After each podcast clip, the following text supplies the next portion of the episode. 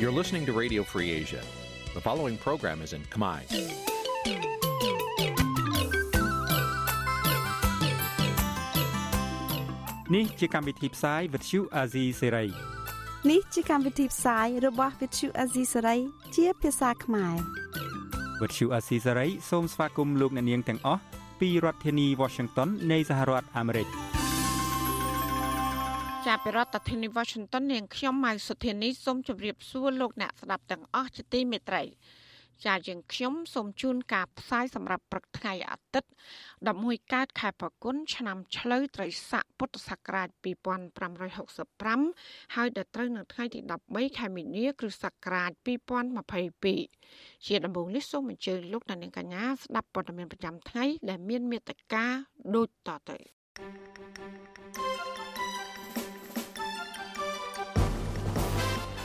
លោកសំរងស៊ីប្រមានថាលោកកឹមសុខានឹងធ្វើអត្តឃាតនយោបាយបើសិនជាលោកសារភាពនៅកំហុសមន្ត្រីសិទ្ធិនោះអំពាវនាវអរដ្ឋាភិបាលស្ដារលទ្ធិប្រជាធិបតេយ្យឡើងវិញកម្មករ Nagawer ស្នើរដ្ឋាភិបាល ចាត់វិធានការអាជ្ញាធរក្រុងលើករណីរំលោភបំពានស្ត្រីគុតកោ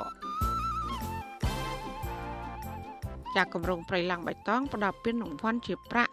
និងវិញ្ញាណប័ណ្ណបត្រដល់ក្រុមអ្នកចិញ្ចឹមឃ្មុំ រួមនឹងព័ត៌មានសំខាន់សំខាន់មួយចំនួនទៀតចាត់ជាបន្តទៅទៀតនេះនាងខ្ញុំម៉ៅសុធានីសូមជូនព័ត៌មានទាំងនោះពឺស្ដា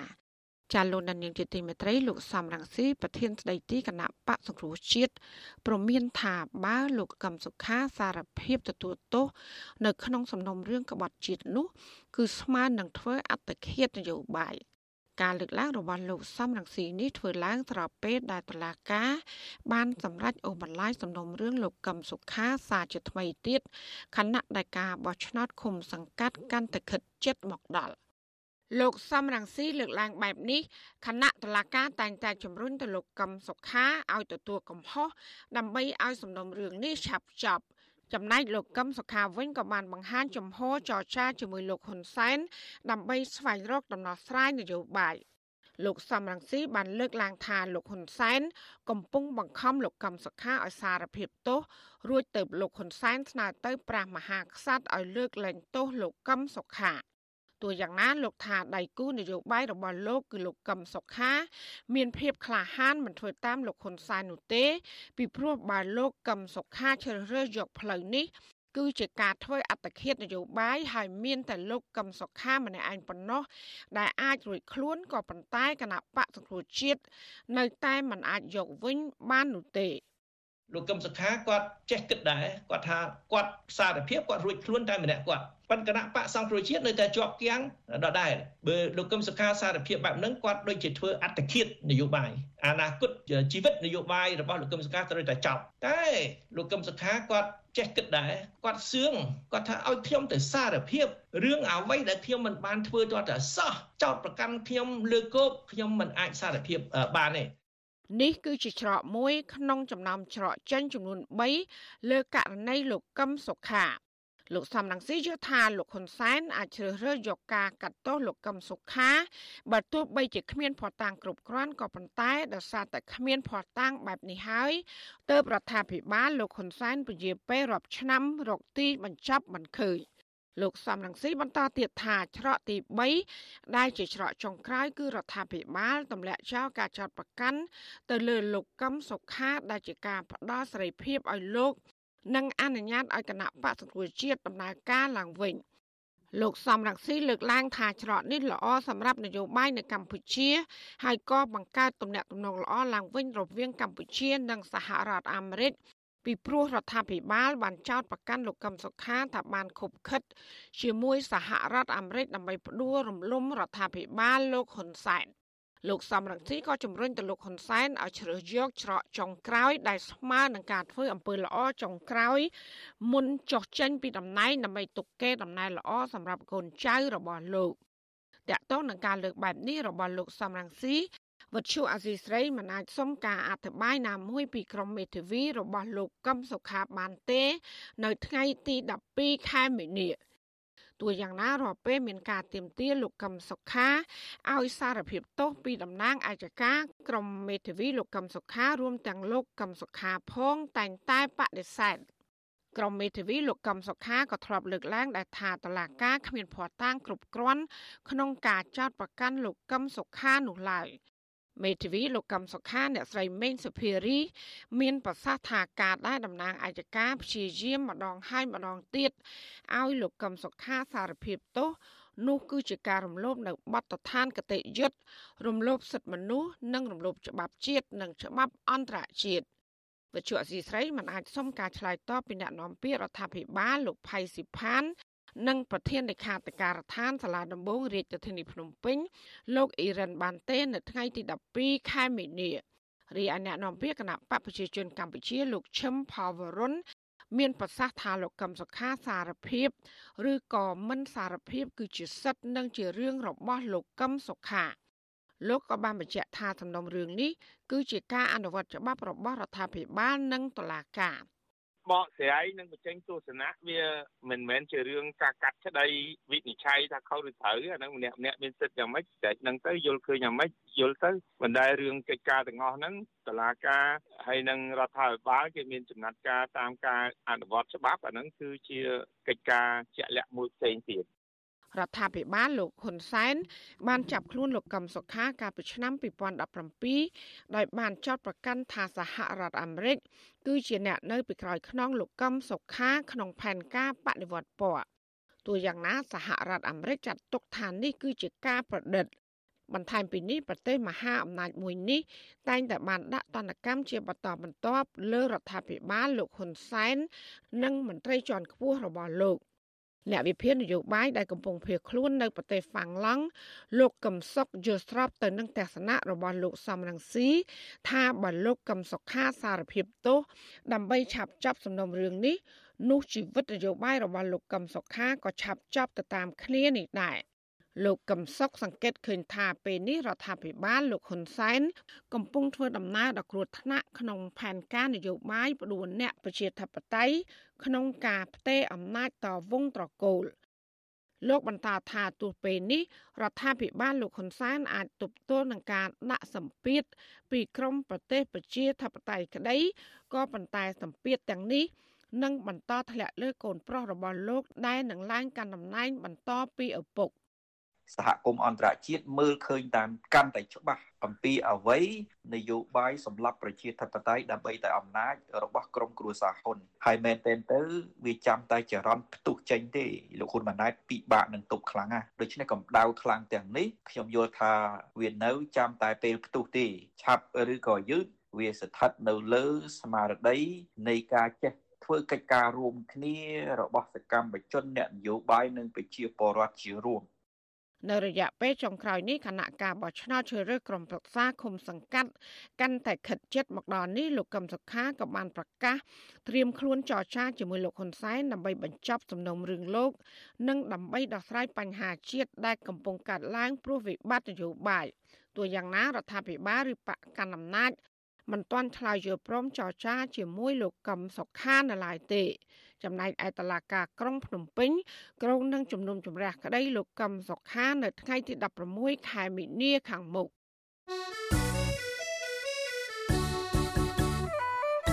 ចាលោកនាងជាទីមេត្រីវិទ្យុអសីស្រីផ្សាយតាមរលកធាតុអាកាសខ្លីឬ short wave តាមកម្រិតនិងកម្ពស់ដូចតទៅ ចាប់ពេលព្រឹកចាប់ពីម៉ោង5កន្លះដល់ម៉ោង6កន្លះតាមរយៈរលកធារកាខ្លី9390 kHz ស្មើនឹងកម្ពស់ 32m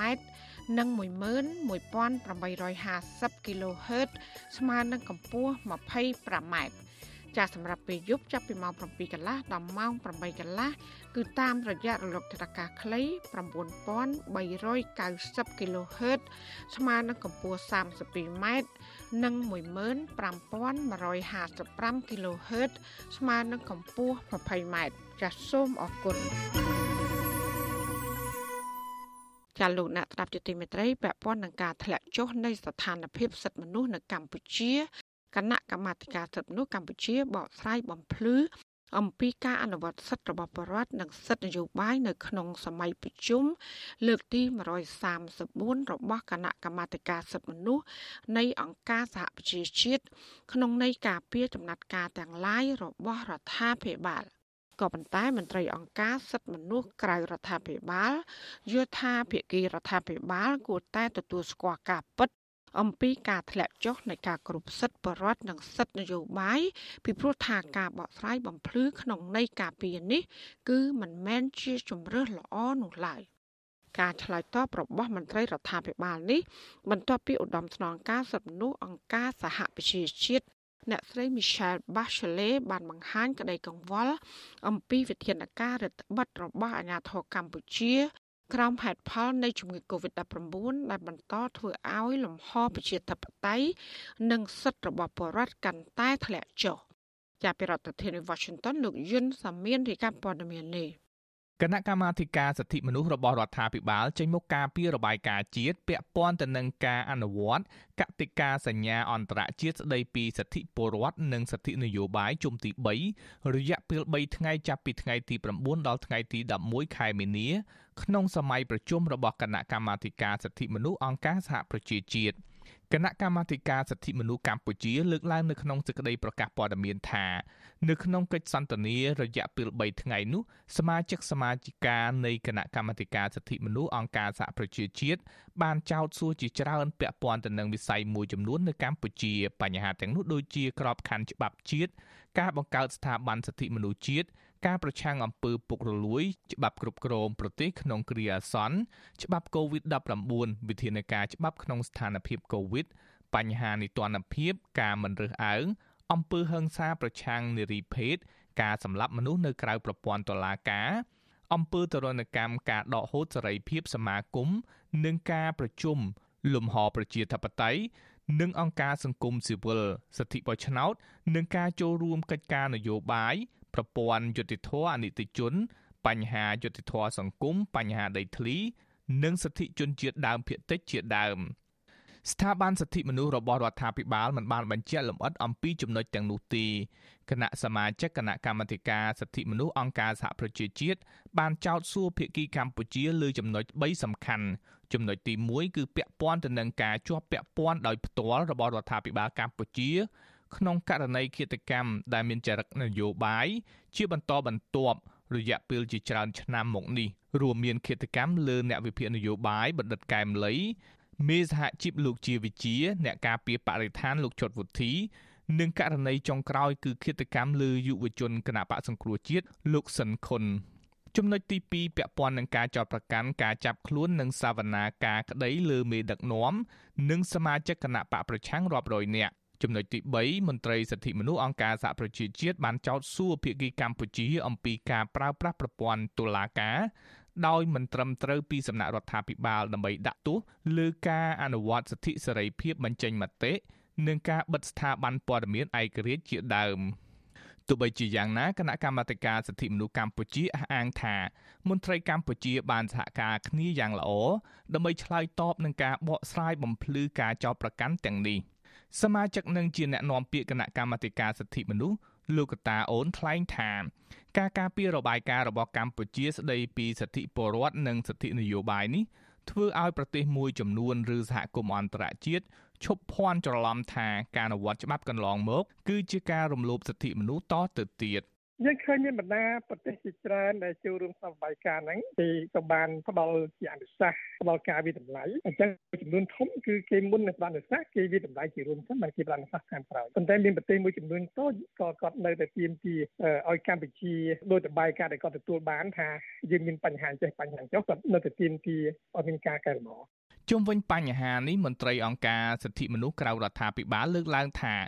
វាជាទម្លាប់ទៅហើយដែលមន្ត្រីរដ្ឋាភិបាលឬគណៈកម្មាធិការសិទ្ធិមនុស្សកម្ពុជាព្យាយាមការពារទង្វើរបស់រដ្ឋាភិបាលពាក់ព័ន្ធទៅនឹងការចោទប្រកាន់រឿងរំលោភសិទ្ធិមនុស្សនោះអ្នកនាំពាក្យសមាគមការពារសិទ្ធិមនុស្សអាត6លោកសង្សែនករណាលើកឡើងថាទោះបីជាតំណាងរដ្ឋាភិបាលព្យាយាមបង្ហាញរបាយការណ៍ឬបកស្រាយបំភ្លឺបែបណាក្តី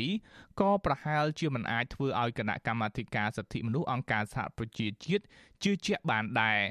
លោកបន្តថាគណៈកម្មាធិការសិទ្ធិមនុស្សអង្គការសហប្រជាជាតិមានអ្នកជំនាញដើម្បីពិនិត្យផ្ទៀងផ្ទាត់រកការពិតនិងថែមទាំងមានមន្ត្រីជំនាញនិងអ្នករាយការណ៍ពិសេសទទួលបន្ទុកសិទ្ធិមនុស្សនៅកម្ពុជាទៀតផងដូច្នេះពួកគេមិនចេះតែជឿលើរបាយការណ៍របស់រដ្ឋាភិបាលឡើយ មន្ត្រីសិទ្ធិមនុស្សរូបនេះយល់ថារដ្ឋាភិបាលគួរតែទទួលស្គាល់ការពិតហើយបញ្ឈប់ការយាយីនិងរដ្ឋបិទសិទ្ធិសេរីភាពពលរដ្ឋនិងសិទ្ធិនយោបាយគណៈការបោះឆ្នោតឃុំសង្កាត់កាន់តែខិតជិតមកដល់ ជាការពិតរឿងនេះគួរតែកែប្រែយូរហើយពីព្រោះគេមានការផ្ដល់អនុសាសន៍ពីបណ្ដាប្រទេសលោកសេរីជាពិសេសសហភាពអឺរ៉ុបហ្នឹងក៏គេតែងតែលើកឡើងដែរថាកម្ពុជានឹងត្រូវធ្វើការគោរពនៅសិទ្ធិសេរីភាពជាមូលដ្ឋានសិទ្ធិពលរដ្ឋនយោបាយអីហ្នឹងហើយដែលជារឿងចាំបាច់នៅក្នុងការបើកនៅលំហជាធិបតេយ្យនៅប្រទេសកម្ពុជាឲ្យល្អប្រសើរឡើងវិញហ្នឹងហើយចំណុចទាំងអស់នេះវាសិតតែគេធ្លាប់បានលើកឡើងជារឿយៗហើយហើយកម្ពុជានឹងតែងតែច្រានចោល កាលពីថ្ងៃទី7ខែមីនាឧត្តមស្នងការសិទ្ធិមនុស្សអង្គការសហប្រជាជាតិអ្នកស្រី Michelle Bachelet បានលើកឡើងនៅក្នុងសេចក្តីថ្លែងការណ៍ក្នុងសម័យប្រជុំលើកទី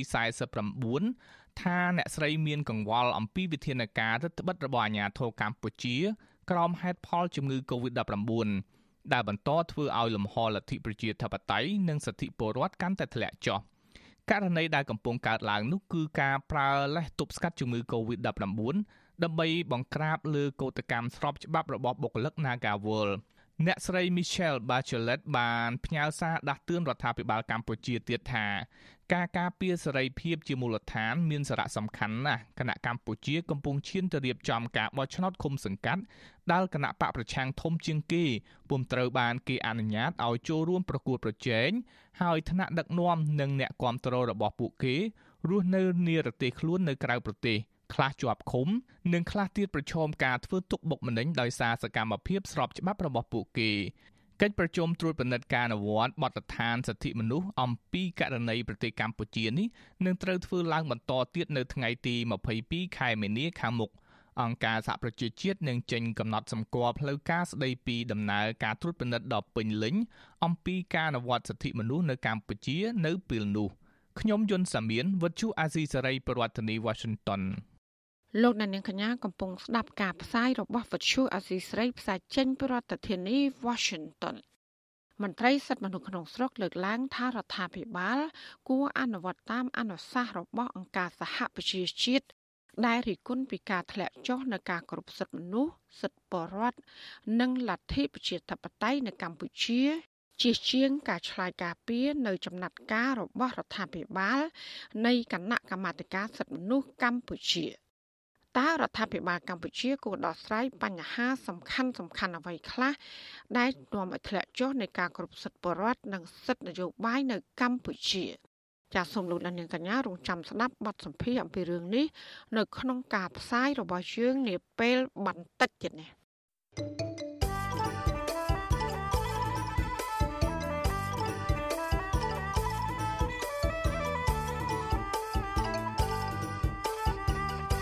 ចាលោកនានីជាទីមេត្រីដែលឡាយតាក់ទងនឹងការដកប្រព័ន្ធអនុគ្រោះពន្ធ EVA 20%ពីកម្ពុជានោះសហភាពអឺរ៉ុបរំលឹកដល់កម្ពុជាឲ្យប្រកាន់ខ្ជាប់នៅលទ្ធិប្រជាធិបតេយ្យសេរីភាពមូលដ្ឋាន សិទ្ធិមនុស្សសិទ្ធិការងារដែលមានសារៈសំខាន់សម្រាប់កម្ពុជាមន្ត្រីសិទ្ធិមនុស្សលើកឡើងថាបើកម្ពុជាយកចិត្តទុកដាក់ ក្នុងការអនុវត្តនៅសំណើនេះគឺកម្ពុជាសង្ឃឹមថានឹងអាចទទួលបានប្រព័ន្ធអនុគ្រោះទាំងស្រុងមកវិញចា៎នេះគឺជាសកម្មភាពរបស់អ្នកស្រីខែសំណងពីរដ្ឋធានី Washington កម្ពុជានិងសហភាពអឺរ៉ុបបានពិភាក្សាពីការស្ដារសេដ្ឋកិច្ចឡើងវិញនៃទំនាក់ទំនងពាណិជ្ជកម្មរបស់ភាគីទាំងពីរនិងការដកបណ្ដោះអាសន្ននៅផ្នែកខ្លះនៃការអនុគ្រោះពន្ធរបស់អឺរ៉ុប EBA ការលើកឡើងបែបនេះក្នុងកិច្ចប្រជុំគណៈកម្មាធិការចម្រុះកម្ពុជា និងសហភាពអឺរ៉ុបលើកទី11ដែលមានរយៈពេល2ថ្ងៃចាប់ពីថ្ងៃទី10ដល់ថ្ងៃទី11មិនិនាធ្វើនៅទីក្រុងភ្នំពេញសេចក្តីប្រកាសព័ត៌មានរួមនៃកិច្ចប្រជុំនោះបញ្ជាក់ថាសហភាពអឺរ៉ុបបានរំលឹកកម្ពុជា ពីសារៈសំខាន់នៃការប្រកាន់ខ្ជាប់នូវលទ្ធិប្រជាធិបតេយ្យសេរីភាពមូលដ្ឋានសិទ្ធិមនុស្សសិទ្ធិការងារនិងនីតិរដ្ឋសហភាពអឺរ៉ុប ក៏បានកត់សម្គាល់ពីកាតព្វកិច្ចកម្ពុជាស្ថិតក្រោមច្បាប់និងអនុសញ្ញាអន្តរជាតិស្តីពីសិទ្ធិមនុស្សនិងកិច្ចសហការនឹងយន្តការសិទ្ធិមនុស្សរបស់អង្គការសហប្រជាជាតិទោះបីជាយ៉ាងណាសេចក្តីប្រកាសព័ត៌មានរួមមិនបានបញ្ជាក់ពីសេចក្តីសម្រេចរបស់សហភាពអឺរ៉ុបជុំវិញការដកប្រព័ន្ធអនុគ្រោះពន្ធ EBA នៅឡើយទេ តកតងបញ្ហានេះវិទ្យុអស៊ីសេរីមិនអាចសុំការបញ្ជាក់បន្ថែមពីអ្នកនាំពាក្យក្រសួងការបរទេសលោកជុំសន្តិរីបាននៅឡើយទេនៅថ្ងៃទី11ខែមិនិនាចំណែកអ្នកនាំពាក្យរដ្ឋាភិបាលលោកផៃស៊ីផាន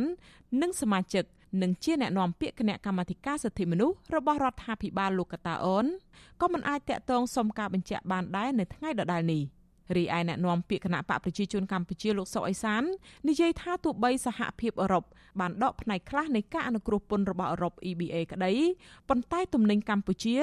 នៅតែនាំទៅលក់នៅសហភាពអឺរ៉ុបដដែលប៉ុន្តែលោកសុកអេសានមិនទាន់ហ៊ានរំពឹងថាសហភាពអឺរ៉ុបនឹងផ្ដល់ប្រព័ន្ធអនុគ្រោះពន្ធពេញលេញ100%ឲ្យកម្ពុជា នៅពេលណានោះទេ ខ្ញុំអត់ប៉ាន់ប្រមាណទេបាទបើគេយល់ឃើញថានៅកម្ពុជាវាអត់មានការរំលោភសិទ្ធិមនុស្សធ្ងន់ធ្ងរហើយអត់មានលទ្ធិប្រជាធិបតេយ្យដើរថយក្រោយអានឹងស្រេចទៅលើគេអ្នកសម្រេចពុំមែនលើយើងអ្នកអាយណាបាទតកតងរឿងនេះដែរអ្នកនាំពាក្យសមាគមការពារសិទ្ធិមនុស្សអាត់ហុកលោកសឹងសែនករណាយល់ថាបើកម្ពុជាគោរពតាមអនុសាសន៍របស់សហភាពអឺរ៉ុបកម្ពុជាអាចនឹងទទួលប្រព័ន្ធអនុគ្រោះពន្ធទាំងស្រុងឡើងវិញ ទោះជាបែបនេះក្តីលោកថាបើកម្ពុជាមិនបានយកចិត្តទុកដាក់ក្នុងការអនុវត្តលទ្ធិប្រជាធិបតេយ្យសេរីភាពមូលដ្ឋាននិងសិទ្ធិមនុស្សនោះទេ កម្ពុជាមិនអាចទទួលបានប្រព័ន្ធអនុគ្រោះពន្ធ20%ដែលដកហូតនាពេលកន្លងទៅនោះទេផ្ទុយទៅវិញលោកថាកម្ពុជានឹងប្រឈមនឹងការដាក់ទណ្ឌកម្មបន្ថែមទៀតពីសហភាពអឺរ៉ុប ខ្ញុំសូមគាំទ្រចំពោះការលើកឡើងរបស់ខាងសហភាពអឺរ៉ុបពីព្រោះយើងដឹងហើយការប្រកាន់នៅការគោរពសិទ្ធិមនុស្សគោរពសិទ្ធិជាមូលដ្ឋានហ្នឹងគឺសំខាន់ណាស់សម្រាប់សង្គមប្រជាធិបតេយ្យហើយបើសិនជាការមិនគោរពទៅលើសិទ្ធិមនុស្សសិទ្ធិសេរីភាពជាមូលដ្ឋាននឹងឲ្យបានត្រឹមត្រូវទេ ដំណើរការប្រជាធិបតេយ្យនឹងច្បាស់ណាស់ច្បាស់ជាធ្លាក់ចុះហើយនឹងរងការរដ្ឋបិទទៅលើសេរីភាពខាងផ្នែកនយោបាយនឹងហើយបាទកាលពីខែសីហាឆ្នាំ2020សហភាពអឺរ៉ុបបានសម្រេចដកប្រព័ន្ធអនុគ្រោះពន្ធ EBA 20%ពីកម្ពុជាដោយសារតែការរំលោភបំពានសិទ្ធិមនុស្សធ្ងន់ធ្ងរជាប្រព័ន្ធយ៉ាងជាក់ច្បាស់នៅក្នុងប្រទេសកម្ពុជាទោះយ៉ាងណាគណៈកម្មការអឺរ៉ុបសង្កត់ធ្ងន់ថាការដកហូតនឹងត្រូវលើកលែងបើកម្ពុជាធានាឲ្យមានការគោរពសិទ្ធិមនុស្សប្រជាធិបតេយ្យនិងសិទ្ធិការងារឡើងវិញ មន្ត្រីសិទ្ធិមនុស្សលោកសឹងសែនករណីសង្កេតឃើញថាមកដល់ពេលនេះរដ្ឋាភិបាលកម្ពុជាមិនទាន់បានកែលម្អលើបញ្ហាទាំងអស់នេះនៅឡើយទេ តែផ្ទុយទៅវិញ មានតែរដ្ឋបတ်កាន់តែខ្លាំងថែមទៀត ក្នុងនោះរួមមានអំពើហិង្សាលើសកម្មជនបកប្រឆាំងការរដ្ឋបတ်សេរីភាពតាមប្រព័ន្ធអនឡាញសេរីភាពនៃការជួបជុំបាតកម្មនិងកោតកម្មដោយសន្តិវិធី និងករណីវិវាទការងារនៅក្រុមហ៊ុន Nagavel ជាដើមចា៎នាងខ្ញុំខែសុណងវັດឈូអាស៊ីសេរីរាយការណ៍ពីរដ្ឋធានី Washington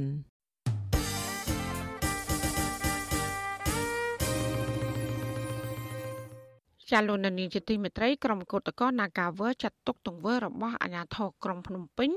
ដែលបានបង្ក្រាបអំពើហិង្សាវេដំក្រុមកោតកោគឺជាអំពើអមនុស្សធម៌និងបានរំលោភសិទ្ធិមូលដ្ឋានរបស់ពួកគេ ក្នុងការទាមទារឲ្យមានដំណោះស្រាយពីថៅកែក្រុមហ៊ុនពួកគេអំពាវនាវឲ្យក្រសួងពាក់ព័ន្ធចាត់វិធានការលើក្រុមអាជ្ញាធរដែលអនុវត្តទូនីតិដែលគ្មានវិជ្ជាជីវៈ ចាប់ពីរដ្ឋធានី Washington លោកជាតិចំណានរាយការណ៍ព័ត៌មាននេះក្រុមគតកោបុគ្គលិក Nagawal ថាការធ្វើបាបដោយប្រើអំពើហិង្សាគ្រប់ទម្រង់របស់អាជ្ញាធរកន្លងមកគឺមានចេតនាគៀបសង្កត់ក្រុមគតកោមិនឲ្យងើបតវ៉ារកដំណោះស្រាយ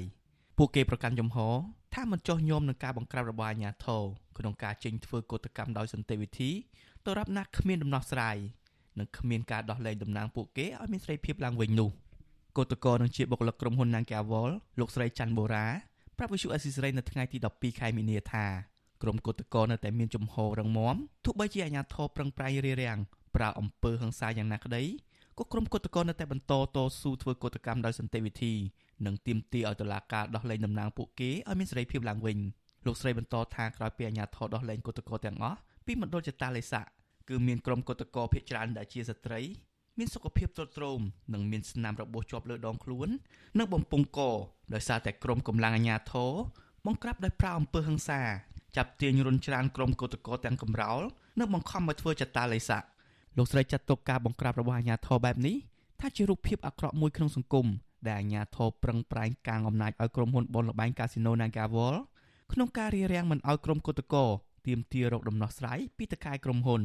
លោកស្រីទាមទារអាជ្ញាធរ បញ្ឈប់ការធ្វើទុកបុកម្នេញលើក្រុមគឧតកោតទៅទៀតពួកយើងមិនទាន់តែបាននិយាយអីធ្វើអីផងគឺគាត់ចាប់រុញចូលឡានព្រោះស្នាមម្នាក់ម្នាក់ជាប់ដៃជាប់ជើងកម្មភាពអស់នេះគឺពួកគាត់ជាអ្នកធ្វើឡើងពួកបងនៅតែប្រកាន់គោលចំហគឺអហិង្សាអឺអ្វីទាំងអស់គឺក្រុមអាជ្ញាធរគាត់ជាអ្នកធ្វើឡើងហើយបើសិនជាគ្រប់ក្រសួងពាក់ព័ន្ធដែលគាត់ជួយដឹងជួយលើគឺពួកបងគឺមានតែស្នើសុំឲ្យជួយរកដំណោះស្រាយហើយឲ្យជួយក្រុមកោតក្រដែលជាស្រីស្រីហ្នឹងតំណាងពួកយើងដែលគាត់ជាតំណាងក្នុងការចរចាវិវាទហ្នឹងគឺពួកគាត់បានចាប់ទៅអស់ហើយអញ្ចឹងហើយយើងអត់មានតំណាងអីទៀតទេកាលពីថ្ងៃទី11ខែមីនាកម្លាំងអាជ្ញាធររាប់រយនាក់បានចាប់ខ្លួនក្រុមគឧតកោ Nagawal ជាង100នាក់ញាត់ចូលក្នុងរថយន្តក្រុងទាំងកំរោលដឹកទៅធ្វើចតាលិស័កក្នុងខណ្ឌប្រៃភ្នៅម្ដងទៀតនៅពេលដែលពួកគេធ្វើកោតកម្មទាមទាររកដំណោះស្រាយការងារពីក្រុមហ៊ុនកាស៊ីណូ Nagawal ក្រុមគឧតកោអះអាងថា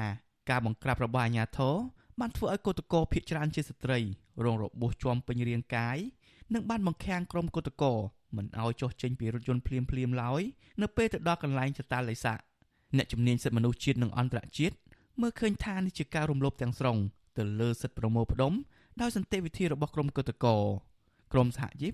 ក៏បានរិះគន់ចំណាត់ការដដែលដដែលដោយយកវិធានការសុខាភិបាលមកបង្ក្រាបក្រុមកុតកោនេះថាជាលេសដើម្បីធ្វើទរណកម្មក្រុមកុតកោមិនឲ្យទៀមទារោគដំណោះស្រាយតែប៉ុណ្ណោះ វិសុយអសិរ័យមិនអាចតាក់ទងអ្នកនាំពាក្យស្នងការដ្ឋាននគរបាលរាជធានីភ្នំពេញលោកសានសុកសីហានិងអ្នកនាំពាក្យក្រសួងការងារលោកហេងសួរដើម្បីសូមបំភ្លឺបញ្ហានេះបានទេនៅថ្ងៃទី12ខែមីនាប៉ុន្តែអ្នកនាំពាក្យគណៈកម្មាធិការសិទ្ធិមនុស្សរបស់រដ្ឋាភិបាលលោកកតាអូនប្រាប់វិសុយអសិរ័យថាប្រសិនបើក្រុមគឧតកោមានផោះតាងគ្រប់គ្រាន់ដល់ការរងអំពើហិង្សាពីអាជ្ញាធរលោកជំរុញឲ្យក្រុមគឧតកោដាក់ពាក្យប្តឹងទៅកាន់ស្ថាប័នតុលាការលោកបន្តថាវិវាទការងារនេះអូសបន្លាយពេល ដោយសារតែក្រុមគឧតកោមិនព្រមចាត់តាំងតំណាងថ្មីដើម្បីចូលរួមសម្របសម្រួលជាមួយក្រសួងការងារប៉ុន្តែក្រុមគឧតកោប្រកាន់ជំហរថាលុះត្រាតែមានការដោះលែងតំណាងពួកគេឲ្យមានសេរីភាពឡើងវិញទើបពួកគេយល់ព្រមចូលតុចរចាទាមទារលក្ខខណ្ឌទាំង9ចំណុចលោកកតាអត់បន្ថែមថាការបង្ក្រាបក្រុមកោតកោជាងសាធារណជនផ្សេងទៀតនោះគឺជាការអនុវត្តវិធានការសុខាភិបាលមិនមែនជាទម្រង់គៀបសង្កត់រដ្ឋបិទសេរីភាពឡើយទាក់ទងនឹងបញ្ហានេះ អ្នកនាំពាក្យសមាគមសិទ្ធិមនុស្សអាត់ហុកលោកសង្សានករណាមានប្រសាសន៍ថាចំណាត់ការបង្ក្រាបរបស់អាជ្ញាធរមកលើក្រុមកុតកោដដែលនេះនៅតែជាទម្រង់ធ្វើបាបរំលោភសិទ្ធិដល់ក្រុមកុតកោលោកសង្កត់ធ្ងន់ថាអាញាធរយកវិធានការសុខាភិបាលមកបង្ក្រាបក្រុមគឧតកោគ្រាន់តែជាលេសដើម្បីគេចវេះក្នុងការរកដំណោះស្រាយពិតប្រាកដតែប៉ុណ្ណោះ។ គឧតកោលោកទៀមទាតវ៉ាគឺចង់បានឲ្យមានការដោះលែងណាអ្នកតំណាងរបស់ពួកគាត់ដែលកំពុងជាប់ឃុំណា11រូបហ្នឹងហើយរួមដំណោះស្រាយ9ចំណុចប៉ុន្តែស្រាយទាំងអស់ហ្នឹងហាក់ដូចជាអត់មានគិតគូររកដំណោះស្រាយទេប៉ុន្តែអាជ្ញាធរហាក់ដូចទៅជាមានការចាប់ខ្លួនជាបន្តបន្ទាប់ហើយដោយយកហេតុផលថាកូវីដក្នុងការទប់ស្កាត់កូវីដនេះហាក់ដូចជាធ្វើឡើងផ្ដោតទៅលើតែក្រមគឧតកោ Nagawal ខណៈដែលពិធីផ្សេងផ្សេងការជួបជុំផ្សេងផ្សេងហ្នឹងគឺអត់បានមានការរដ្ឋបិទរារាំងមកដល់ពេលនេះមានតំណាងសហជីពនិងកម្មករ Nagawal ចំនួន11នាក់កំពុងជាប់ឃុំក្នុងពន្ធនាគារក្រោមបទចោទញុះញង់បង្កឲ្យមានភាពវឹកវរធ្ងន់ធ្ងរដល់សន្តិសុខសង្គមនិងល្មើសវិធានសុខាភិបាលដោយសារតែពួកគេធ្វើកោតកម្មដោយសន្តិវិធីទាមទាររកដំណោះស្រាយរឿងក្រុមហ៊ុន Casino Nagawal បញ្ឈប់បុគ្គលិក365នាក់ពីការងារនិងរើសអើងសហជីពក្នុងកន្លែងធ្វើការក្រុមអ្នកជំនាញផ្នែកសិទ្ធិមនុស្សរបស់អង្គការសហប្រជាជាតិ អង្គការសង្គមស៊ីវិលនិងក្រុមសហជីពរិះគន់ថាអាជ្ញាធរក្រុងភ្នំពេញកំពុងអនុវត្តវិធានការសុខាភិបាលដែលមានស្តង់ដារ2ដែលបង្ហាញថាអាជ្ញាធរប្រឹងប្រែងរារាំងសកម្មភាពស្របច្បាប់របស់កោតក្រម្យ៉ាងវិញទៀតទង្វើបង្ក្រាបរបស់អាជ្ញាធរម្ដងហើយម្ដងទៀតនេះត្រូវបានក្រុមអ្នកការពារសិទ្ធិមនុស្សចាត់ទុកថាជាការអនុវត្តផ្ទុយពីច្បាប់សិទ្ធិមនុស្សអន្តរជាតិពួកគេអំពាវនាវឲ្យអាជ្ញាធរបញ្ឈប់ការធ្វើទុកបុកម្នេញក្រុមកោតក្រនិងស្នើឲ្យក្រសួងការងារជួយរកយុត្តិធម៌ដល់ក្រុមកោតក្រ និងជំរុញឲ្យភាគីក្រុមហ៊ុន Nagawal ចេញមុខដោះស្រាយបញ្ហាវិវាទការងារនេះព្រមទាំងដោះលែងតំណាងសហជីពទាំង11នាក់ឲ្យមានសេរីភាពឡើងវិញដោយគ្មានលក្ខខណ្ឌខ្ញុំបាទជាចំណាន Visual Assisray ពីរដ្ឋធានី Washington លោកនានីជាទីមេត្រីអ្នកស្លាប់ដោយសារជំងឺ Covid-19 បានកើនឡើងដល់3046នាក់ហើយបន្ទាប់ពីមានអ្នកជំងឺម្នាក់ទៀតបានស្លាប់ចំណែកករណីឆ្លងថ្មីវិញក្រសួងសុខាភិបាលប្រកាសថាមានចំនួនជាង200នាក់ ដែលសុទ្ធតែជាមេរោគបំផ្លាញខ្លួនថ្មីអូមេក្រុងគិតត្រឹមព្រឹកថ្ងៃទី12ខែមីនាកម្ពុជាមានអ្នកកើតជំងឺ Covid-19 សរុបជាង130,000នាក់ក្នុងនោះអ្នកជាសះស្បើយមានជាង120,000នាក់ក្រសួងសុខាភិបាលប្រកាសថាកត្រឹមថ្ងៃទី11ខែមីនារដ្ឋាភិបាលបានចាក់វ៉ាក់សាំងគ្រប់ដូសជូនបរិវត្តបានជាង13លាន8សែននាក់ ក្នុងចំណោមបរិវត្តដែលត្រូវចាក់ប្រមាណជា14លាននាក់ដែលរាប់ពីកុមារអាយុ5ឆ្នាំរហូតដល់មនុស្សពេញវ័យរីឯដូសជំរិញទី3និងទី4វិញរដ្ឋាភិបាលបានចាក់ជូនបរិវត្តបានជិត9លានដូសស្របពេលដែលកុមារអាយុពី3ឆ្នាំដល់ក្រោម5ឆ្នាំនោះរដ្ឋាភិបាលបានចាក់ដូសទី1បានជាង2សែននាក់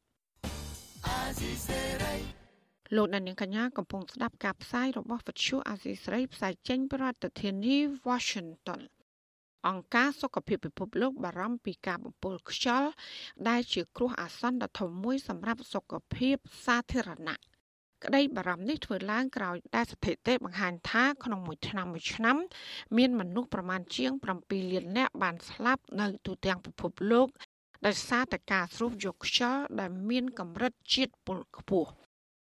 មូលហេតុអ្វីដែលបណ្ដាលឲ្យខ្យល់មានកម្រិតជាតិពុលខ្ពស់នោះហើយការដែលស្រូបយកខ្យល់ជាតិពុលនេះប៉ះពាល់អ្វីខ្លះដល់សុខភាព។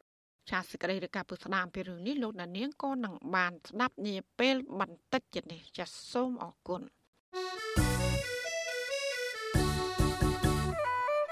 ចាលោកនាងជាទីមេត្រីវិទ្យុអសីស្រីផ្សាយតាមរលកធាតុអាកាសខ្លីឬ short wave តាមកម្រិតនិងកម្ពស់ដូចតទៅ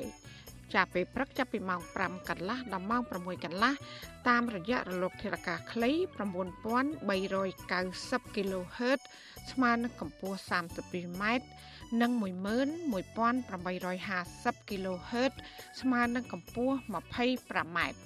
ចាសម្រាប់ពេលយប់ចាប់ពីម៉ោង7កន្លះដល់ម៉ោង8កន្លះគឺតាមរយៈរលកធាតុអាកាសខ្លី9390 kHz ស្មើនឹងកម្ពស់ 32m និង15155 kHz ស្មើនឹងកម្ពស់ 20m ចាសសូមអរគុណលោកដានៀងជាទីមេត្រីទារិកាអាយុ1ឆ្នាំម្នាក់ដែលបានឆ្លងជំងឺគ្រុនផ្ដាសាយបាក់សីប្រភេទ A59 និងបានទទួលសេវាព្យាបាលនៅមន្ទីរពេទ្យកុមារអង្គរខេត្តសៀមរាបបានជាសះស្បើយវិញហើយនិងគ្មានករណីថ្មីឆ្លងទៀតឡើយ។ ប្រធានមន្ត្រីសុខាភិបាលខេត្តសៀមរាបលោកវិជ្ជបណ្ឌិតក្រោះសារ៉ាត់ប្រាប់កាសែតក្នុងស្រុក កាលពីថ្ងៃទី12ខែមីនាថាក្រុមគ្រូពេទ្យនៅខេត្តសៀមរាប កាលពីថ្ងៃទី11ខែមីនាបានចុះទៅពិនិត្យក្រុមគ្រួសារដែលឆ្លងជំងឺគ្រុនផ្ដាសាយបាសីនេះនិងបានយកសំណាក់មនុស្ស13នាក់ទៅពិនិត្យព្រមទាំងបានថ្នាំសម្រាប់មេរោគចំនួនផ្ទះ6ខ្នងលោកបញ្ជាក់ថាផ្ទះដែលទារិកាឆ្លងជំងឺផ្ដាសាយបាសីនោះ គឺមានចិញ្ចឹមមាន់ចំនួន20ក្បាល និងមានឈឺងាប់ចំនួន11ក្បាលគេហទំព័ររបស់នាយកដ្ឋានប្រយុទ្ធនឹងជំងឺឆ្លងឲ្យដឹងថាទារិកាអាយុជាង1ឆ្នាំនោះរស់នៅនៅក្នុងភូមិត្រពាំងរុនស្រុកជីក្រែងខេត្តសៀមរាប ដែលមានរោគសញ្ញាគ្រុនក្តៅក្អកនិងពិបាកដកដង្ហើមហើយក្រុមគ្រូពេទ្យក៏បានរកឃើញថាមានឆ្លងជំងឺផ្ដាសាយបាក់សីប្រភេទ A59 តាមរយៈប្រព័ន្ធតាមដានជំងឺរលាកសួត នាយកដ្ឋានប្រយុទ្ធនឹងជំងឺឆ្លងឲ្យដឹងថាក្រោយពីបានរកឃើញករណីឆ្លងនេះក្រសួងសុខាភិបាលក៏បានបញ្ជូនមន្ត្រីនយោបាយកឋាននិងសហការជាមួយមន្ត្រីពាក់ព័ន្ធចុះអង្កេតត្រាវជ្រាវបង្ការនិងទប់ស្កាត់ការរាតត្បាត ហើយនឹងអប់រំសុខភាពដល់ប្រជាពលរដ្ឋ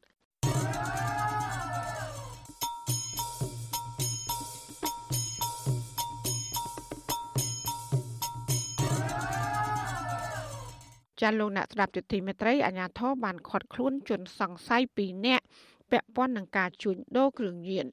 ជនសង្ស័យទាំងពីរនាក់នោះគឺម្នាក់ជាជនជាតិអាមេរិកាំងដែលមានឈ្មោះ Uster Riedo Ahmed ដែលមានវ័យ33ឆ្នាំនិងម្នាក់ទៀតឈ្មោះឆាយទីជាជនជាតិខ្មែរអាយុ29ឆ្នាំ។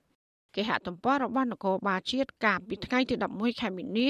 ថាសមត្ថកិច្ចបានចុះបង្ក្រាបនៅទីតាំងជួញដូរគ្រឿងញៀននៅក្នុងបរិយាទន្លេបាសាក់ខណ្ឌចំការមននិងរបងវត្តនេកវ័នខណ្ឌទូកកកាលពីថ្ងៃទី6ខែមីនាហើយបានចាប់ជនសង្ស័យនិងយកវត្ថុតាងដែលជាសារធាតុញៀនប្រភេទមេតាំហ្វេតាមីនទម្ងន់ជាង42គីឡូក្រាម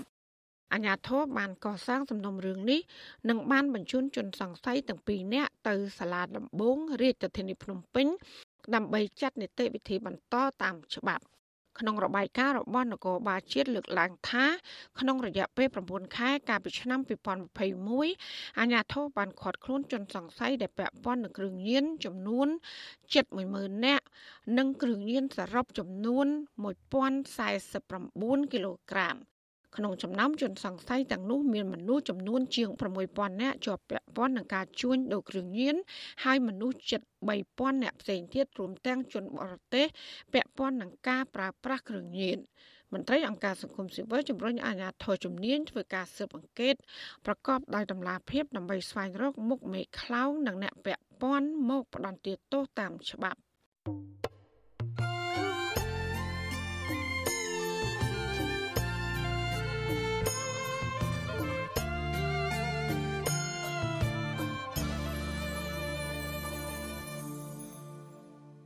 លោកអ្នកនាងជាទីមេត្រីគម្រោងប្រៃឡង់បៃតងរបស់ទីភ្នាក់ងារសហរដ្ឋអាមេរិក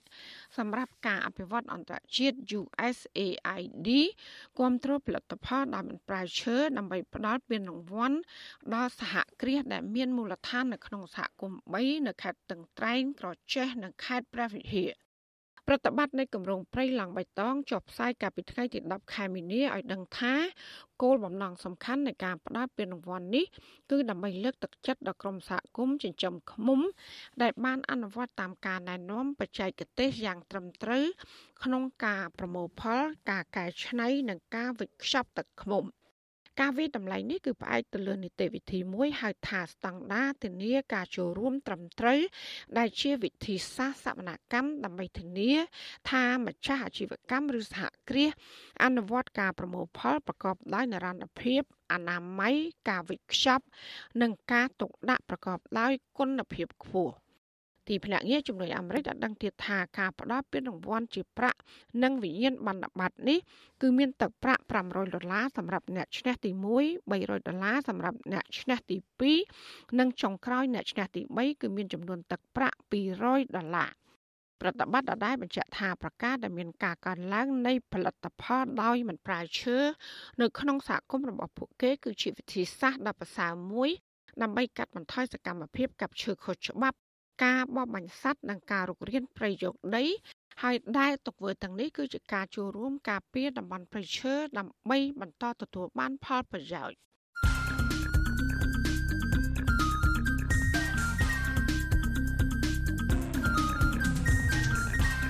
បតសំភារ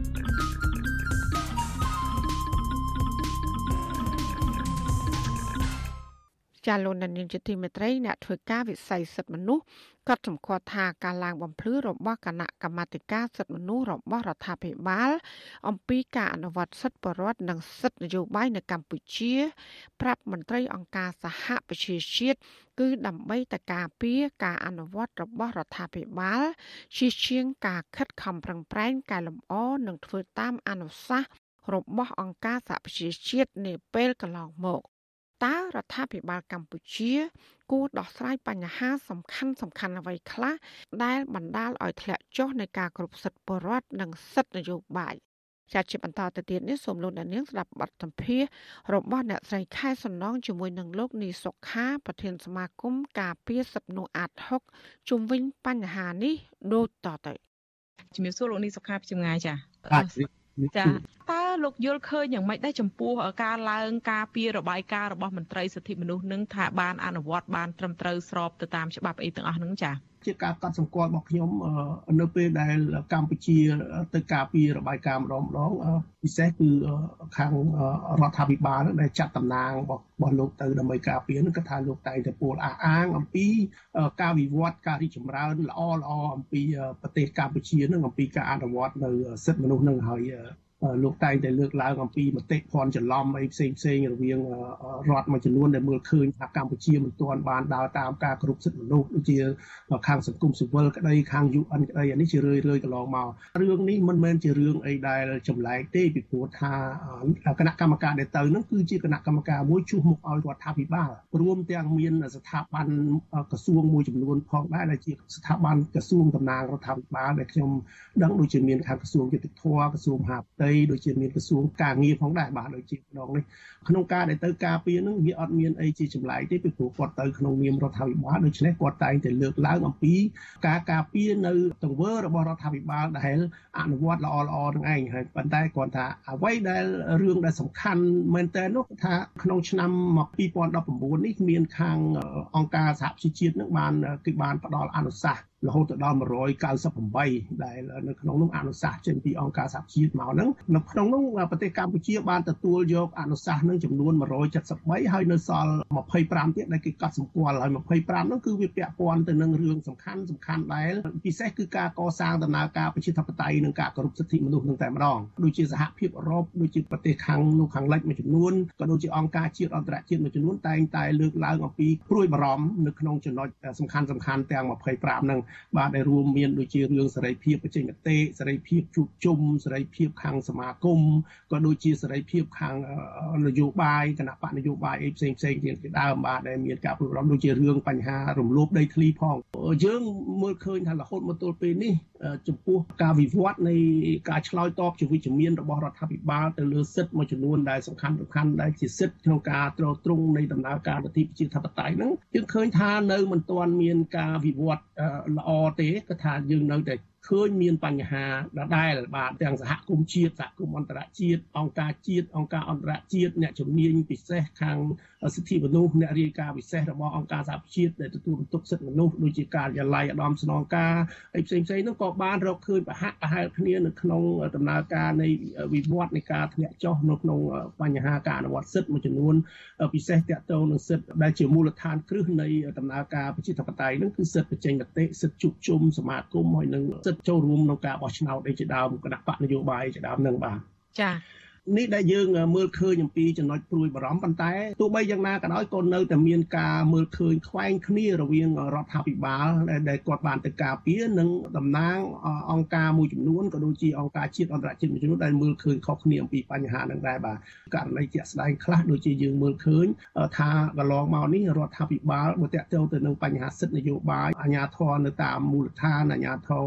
មិនទាន់មានភាពឯករាជ្យទេគឺថា ការអនុវត្តនៅសិទ្ធិនយោបាយនេះនៅមានការរដ្ឋបတ်សកម្មជនអ្នកនយោបាយនៅបន្តមានការគម្រាមកំហែងមានការចាប់ខ្លួនរហូតទៅដល់អ្នកខ្លះបានភៀសខ្លួនទៅដល់ប្រទេសថៃហើយនោះក៏មានការចាប់បញ្ជូនមកវិញ ហើយយើងឃើញថាករណីដែលអង្គើឃាតកម្មដែលមានការកើតឡើងពីមុនមុនមកយើងមិនទាន់បានរកឃើញឲ្យបានច្បាស់លាស់ផងហើយយើងឃើញថាថ្មីថ្មីនោះក៏មានឃាតកម្មទៅលើអតីតសកម្មជនរបស់គណៈបពប្រឆាំងនឹងបន្តទៅទៀតហើយនឹងមានការវាយបង្ករបួសស្នាមនៅតាមដងផ្លូវអីហោហាយជាដើមទៅលើសកម្មជនសង្គមសកម្មជននយោបាយអីអញ្ចឹងណាអានេះសិតតែជារឿងមួយដែលយើងមើលឃើញថា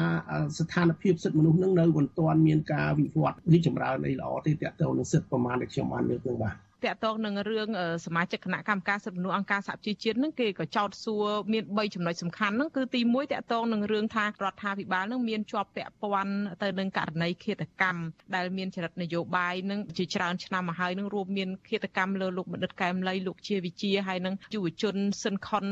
ដែលជាសកម្មជនគ្រប់គ្រងគណៈបកសង្គ្រោះជាតិអីទៀតផងហើយចំណុចទី2នោះគឺតកតងទៅនឹងរឿងការចាប់ខ្លួននិងសវនាការលើមេដឹកនាំនិងមន្ត្រីគណៈបកប្រឆាំងដ៏ច្រើនរាប់រាប់រយនាក់អីចឹងទៅហើយចំណុចទី3ហ្នឹងគឺដោយអ្វីដែលលោកបានលើកឡើងហ្នឹងគឺការប្រើប្រាស់ប្រព័ន្ធតឡាការដោយមិនត្រឹមត្រូវពីសំណាក់រដ្ឋាភិបាលហ្នឹងដោយដាក់ទោសទៅលើការអនុវត្តសិទ្ធិសេរីភាពការជួបជុំសម្ដែងមតិអីអីផ្សេងផ្សេងហើយនឹងការបិទស្ថាប័នព័ត៌មានឯករាជ្យអីជាដើមតើបើសិនជាការឡើងការពីរបស់ខាងរដ្ឋាភិបាលដូចនេះ ហាក់ស្ដាប់មើលទៅដូចជាបានអនុវត្តបានត្រឹមត្រូវរួចអស់ទៅហើយហើយពីខាងសង្គមស៊ីវិលរបស់លោកក្នុងស្រុកនោះហើយនឹងពីខាងអង្គការសហប្រជាជាតិនឹងគេមើលឃើញផ្សេងការមើលឃើញខុសគ្នាមើលមិនដូចគ្នាចឹងតើវានឹងនាំឲ្យមានបញ្ហាយ៉ាងម៉េចទៅវិញទៅចំពោះស្ថានភាពបែបនេះអញ្ចឹងចា៎បាទអឺយើងយល់ថាដឹងថាការខិតខំប្រឹង ក្នុងការបកស្រាយដោយខ្វះការពិតដោយខ្លះខ្វះការគេហៅថាបង្ហាញនៅការពិតជាក់ស្ដែងនោះគឺថាមិនមែនជាដំណោះស្រាយដែលល្អទេបើយើងនិយាយមែនតើណាពីព្រោះថាកាលណាយើងខំបកស្រាយការពារនៅក្នុងន័យមួយដែលខ្វះការពិតមានន័យថាការពិតវានៅតែការពិតដដែលដូច្នេះវាអត់បានធ្វើការកែប្រែវាអត់បានធ្វើការផ្លាស់ប្ដូរពីព្រោះលោកយល់ថាអ្វីអ្វីលោកធ្វើនឹងល្អហើយ ប៉ុន្តែខ្ញុំមើលមួយទៀតខ្ញុំគិតថាអ្វីដែលទោះបីថាខាងរដ្ឋាភិបាលតំណាងរដ្ឋាភិបាលលោកខំបកស្រាយយ៉ាងម៉េចក៏ដោយក៏ប៉ុន្តែយើងដឹងថានៅក្នុងនោះគឺមានអ្នកជំនាញការអន្តរជាតិច្រើនណាស់ហើយគេបានដឹងអំពីស្ថានភាពកម្ពុជាហ្នឹងក៏គេបានដឹងដែរពីព្រោះថាយើងដឹងថានៅលើពិភពលោកបច្ចុប្បន្ននេះគឺថាចំពោះបញ្ហាព័ត៌មានគឺពិបាកលាក់បន្តិចពីព្រោះដោយសារតែប្រព័ន្ធព័ត៌មានយើងក៏វាមានលក្ខណៈទូលំទូលាយគ្រាន់បើដែរដូច្នេះការបកស្រាយណាដែលមិនឆ្លុះបញ្ចាំងពីការពិតមិនមែនថាគេមិនដឹងទេបាទដូច្នេះខ្ញុំគិតថាការខិតខំក្នុងការបកស្រាយដើម្បីគេហៅថាឲ្យមានការមួយដែលមិនបានឆ្លុះបញ្ចាំងពីការពិតអានឹងវាមិនបានកែលម្អស្ថានភាពប្រទេសយើងទេហើយតើយើងមិនអាចកែលម្អស្ថានភាពប្រទេសយើងបានដើម្បីឆ្លើយតបជាវិជ្ជមានទៅនឹងអ្វីដែលជាការលើកឡើងឬការស្នើឡើងអានេះគឺថាផលវិបាក កម្ពុជាមាននឹងមានបញ្ហាមកលើប្រទេសយើងទៅវិញទេតកតទៅនឹងផលវិបាកហ្នឹងវាអត់អត់មែនទៅលើប្រទេសអ្នកដែលគេឃើញគេលើកឡើងហ្នឹងផលវិបាកហ្នឹងមិនមែនធ្លាក់ទៅលើអ្នកដែលលើកឡើងហ្នឹងទេគឺផលវិបាកវាធ្លាក់មកលើប្រទេសយើងដែលយើងអត់ខិតខំក្នុងការកែលម្អហ្នឹងដូចជាយើងដឹងហើយថាកន្លងទៅអ្វីដែលវាប៉ះពាល់គឺដូចជាពន្ធអនុគ្រោះដែលខាង EU គេបានកាត់ មួយចំនួនទៅហើយហើយខាង GSP របស់សហរដ្ឋអាមេរិកហើយនឹងមានរឿងផ្សេងផ្សេងមួយចំនួនទៀតខ្ញុំមិនបាច់រាយរាប់ទេគឺថាអ្នកស្ដាប់យើងមានការដឹងហើយពីព្រោះរឿងនឹងដដែលដដែលច្រើនហើយណាលោកនេះសុខាអាចសង្ខេបខ្លីតែ3ចំណុចបានទេថាតើសង្គមស៊ីវិលមើលឃើញថាចំណុចអ្វីដែលជាចម្បងក្នុងពេលបច្ចុប្បន្ននឹងដែលរដ្ឋាភិបាលមិនគួរតែឡើងឆ្លើយការពារទៅគួរតែមានការដោះស្រាយបន្ទាន់អាចលើកត្រឹម3ចំណុចអីដោយសារពេលវេលាជាងខ្លីលោកចា៎ បាទអរគុណរឿងបន្ទាន់គឺរឿងរៀបចំដំណើរការបោះឆ្នោត នៅពេលឆាប់ឆាប់ខាងមុខនេះគឺថាជារឿងបន្ទាន់ហើយធ្វើម៉េចដើម្បីរដ្ឋាភិបាលត្រូវតែបើកនៅលំហសេរីភាពបើកនៅលំហបរិយាកាសឲ្យគណៈបកនយោបាយគ្រប់និន្នាការនយោបាយទាំងអស់ហ្នឹងបានមកចូលរួមប្រគួតប្រជែងដោយស្មារតីគ្នាណាដោយគ្មានការភ័យខ្លាចដោយសេរីដោយគ្មានការគំរាមកំហែងបាទហ្នឹងគឺជារឿងមួយដែលចាំបាច់បំផុតហើយនឹងទី2គឺតកតទៅនឹងបញ្ហាសេរីភាពនៅក្នុងការបញ្ចេញមតិរបស់ប្រជាពលរដ្ឋពីព្រោះថាមុនពេលបោះឆ្នោតនេះប្រជាពលរដ្ឋលោកត្រូវការការសម្ដែងមតិនឹងខ្លាំងក្នុងការផ្ដល់នៅគេហៅថាឆន្ទៈរបស់លោកនោះចង់ដើម្បីចូលរួមចំណែកក្នុងរឿងបោះឆ្នោតនេះដូច្នេះរដ្ឋាភិបាលត្រូវតែពិនិត្យមើលរឿងហ្នឹងហើយរឿងមួយទៀតគឺសេរីភាពនៅក្នុងការជួបជុំគ្នាកុំលើកតែការជួបជុំរឿងចាក់ធុងបាសរំវងជួបជុំរឿងស៊ីកាជួបជុំរឿងបនអីណាខ្ញុំចង់និយាយពីការជួបជុំសម្ដែងមតិដើម្បីទៀមទាឬក៏ធ្វើការតវ៉ាអ្វីមួយហ្នឹងក៏ថារដ្ឋាភិបាលត្រូវតែពិចារណាបើកឲ្យបានទូលំទូលាយនៅក្នុងសិទ្ធិពីព្រោះថាប្រជាពលរដ្ឋត្រូវលោកត្រូវការប្រើសិទ្ធិនៅក្នុងការជួបជុំដើម្បីប្រមូលផ្ដុំគ្នាតវ៉ាទាមទារអីផ្សេងផ្សេងដើម្បីឲ្យរដ្ឋាភិបាលមានពលរដ្ឋអញ្ចឹងខ្ញុំគិតថានេះជារឿងចំពោះមុខហើយរឿងមួយទៀតគឺថាតកតទៅទៅនឹងការដោះលែងទៅលើអ្នកសកម្មខាងនយោបាយអ្នកសកម្មខាងសង្គមមួយចំនួននេះគេហៅថាអ្នកទោសមនសិការហ្នឹងដើម្បីឲ្យគេមានសេរីភាពនៅក្នុងការទៅធ្វើនយោបាយក្នុងការប្រកួតប្រជែងអីចឹងជាមួយនឹងការបោះឆ្នោតនៅពេលខាងមុខហ្នឹងបាទចាសូមអរគុណច្រើនលោកនេះសុខាដែលបានចំណាយពេលមានតម្លៃផ្ដល់សម្ភារឲ្យវិទ្យុអស៊ីសេរីចាសូមអរគុណនិងជំរាបលាលោកត្រឹមប៉ុណ្ណេះសិនបាទបាទជំរាបលាបាទចាលោកអ្នកនាងកញ្ញាទៅបានស្ដាប់បទសម្ភាសន៍របស់អ្នកស្រីខែសំណងជាមួយនឹងលោកនេះសុខាប្រធានសមាគមការពារសិទ្ធិមនុស្សអាត6 ជុំវិញដំណោះស្រាយឲ្យមានការគ្រប់សិទ្ធិបរិវត្តនិងសិទ្ធិនយោបាយនៅកម្ពុជា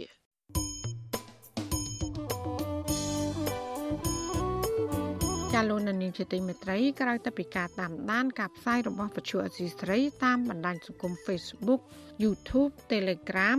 លោកនាងកញ្ញាក៏អាចស្ដាប់ការផ្សាយរបស់យើងតាមបណ្ដាញសង្គម Instagram របស់វិទ្យុអសីស្រីតាមរយៈតំណ link www.instagram.com/rfa ខ្មែរជាទីសេរីនឹងបន្តខិតខំផ្សព្វផ្សាយព័ត៌មានពិតសម្រាប់លោកនាងកញ្ញាតាមបណ្ដាញសង្គមផ្សេងផ្សេងនិងសម្បូរបែបដើម្បីឲ្យលោកនាងងាយស្រួលតាមដានការផ្សាយរបស់យើងគ្រប់ពេលវេលា និងនៅគ្រប់ទីកន្លែងតាមរយៈទូរស័ព្ទដៃរបស់លោកអ្នកចាសសូមអរគុណ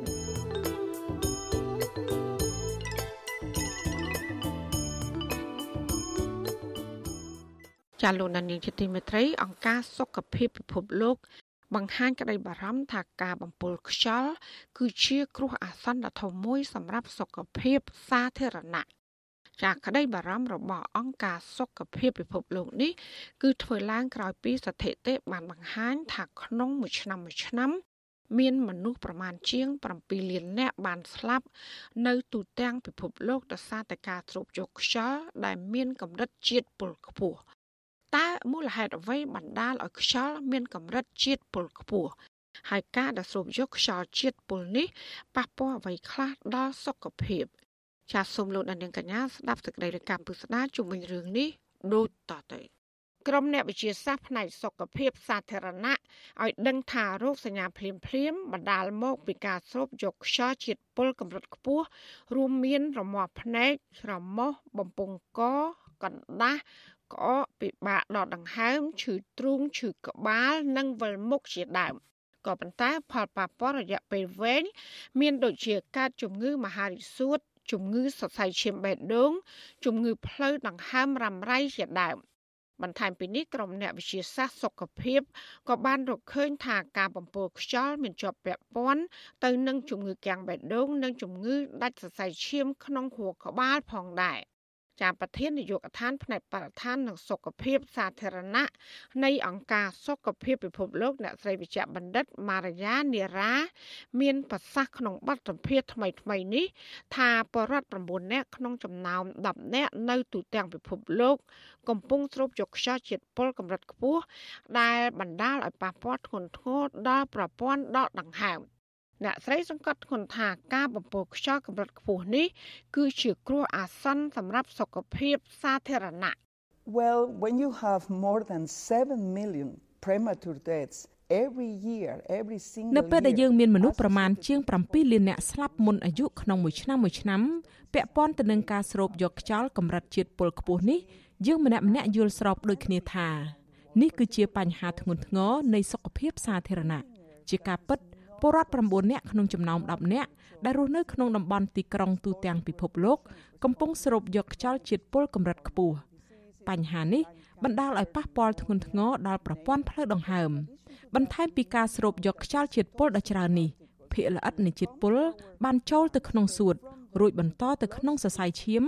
ដែលជាហេតុនាំឲ្យកើតមានជំងឺមហារីកសួតជំងឺកាំងបេះដូងជំងឺដាច់សរសៃឈាមក្នុងខួរក្បាល និងបញ្ហាប្រព័ន្ធបន្តពូជដូច្នេះការស្រូបយកខ្យល់មានជាតិពុលខ្ពស់គឺជាបញ្ហាដ៏ចម្បងមួយនៃសុខភាពសាធារណៈដែលយើងទាំងអស់គ្នាកំពុងប្រឈម អង្គការសុខភាពពិភពលោកឲ្យដឹងថាប្រទេសក្រីក្រនិងមធ្យមក្នុងពិភពលោក កំពុងប្រឈមនឹងការបំពុលបរិស្ថានកម្រិតខ្ពស់តនន័យអង្គការសុខភាពពិភពលោកបង្ហាញថា90%នៃប្រដ្ឋក្នុងបណ្ដាប្រទេសទាំងនោះ កំពុងដកដង្ហើមទ្រពយកខ្យល់ដែលមានកម្រិតជាតិពុលខ្ពស់ក្នុងនោះក៏មានប្រទេសកម្ពុជាផងដែរ យោងតាមគោលការណ៍ណែនាំរបស់អង្គការសុខភាពពិភពលោកកម្រិតការបំពុលខ្យល់នៅប្រទេសកម្ពុជា ចាត់ទុកថាมันមានសវត្ថភាពកម្រិតមធ្យមទិន្នន័យថ្មីថ្មីបំផុតរបស់អង្គការសុខភាពពិភពលោកបង្ហាញថា នៅដើមឆ្នាំ2021កំហាប់ខ្យល់មធ្យមប្រចាំឆ្នាំនៅកម្ពុជានៃ PM 2.5គឺកំហាប់ប៉ារ៉ាម៉ែត្រភាគល្អិតនិច្ចល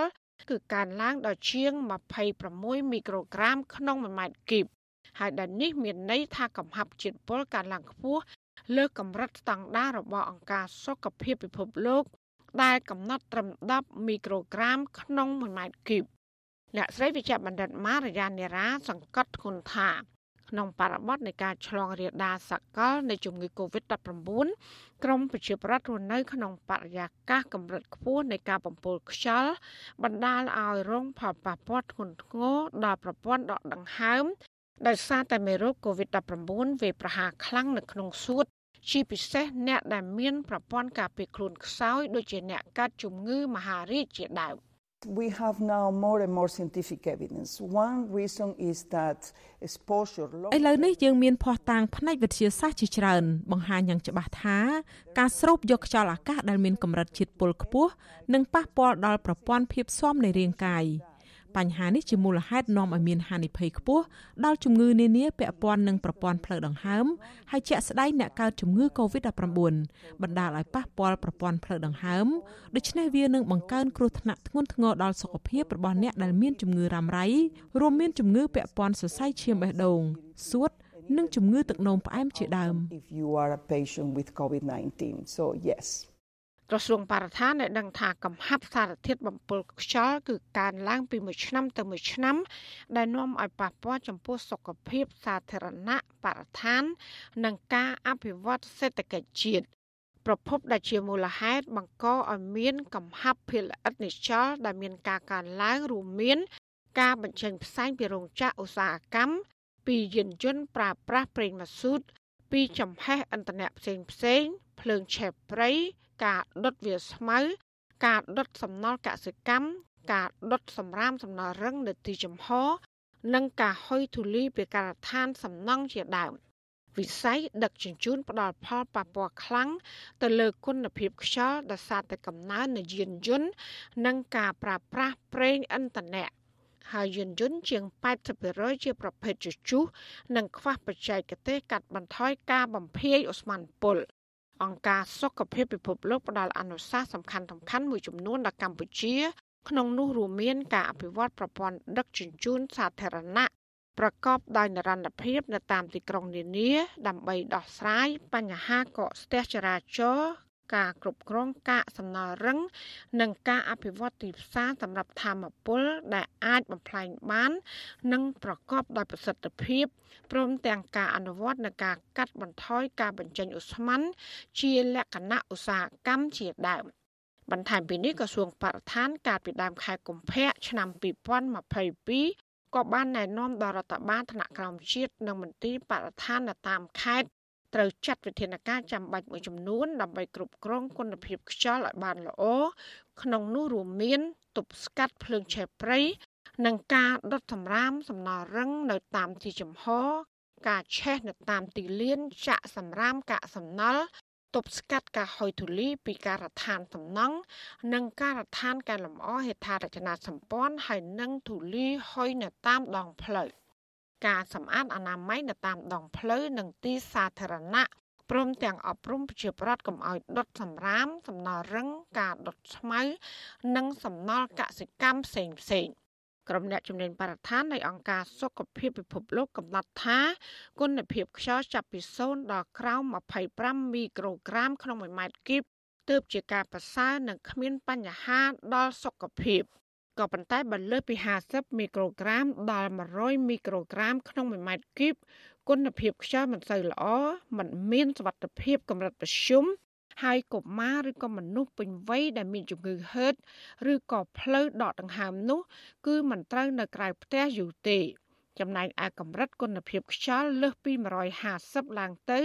គឺបង្កគ្រោះថ្នាក់ធ្ងន់ធ្ងរដល់សុខភាព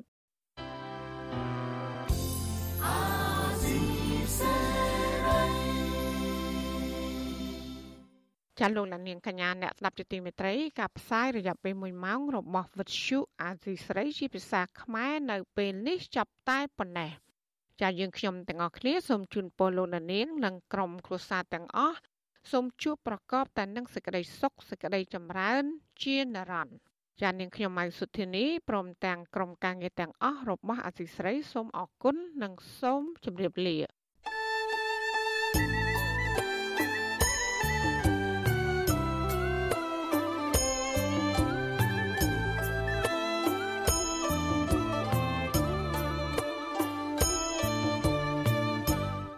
យុអេស៊ីសេរីផ្សាយតាមរលក ធាតុអាកាសខ្លី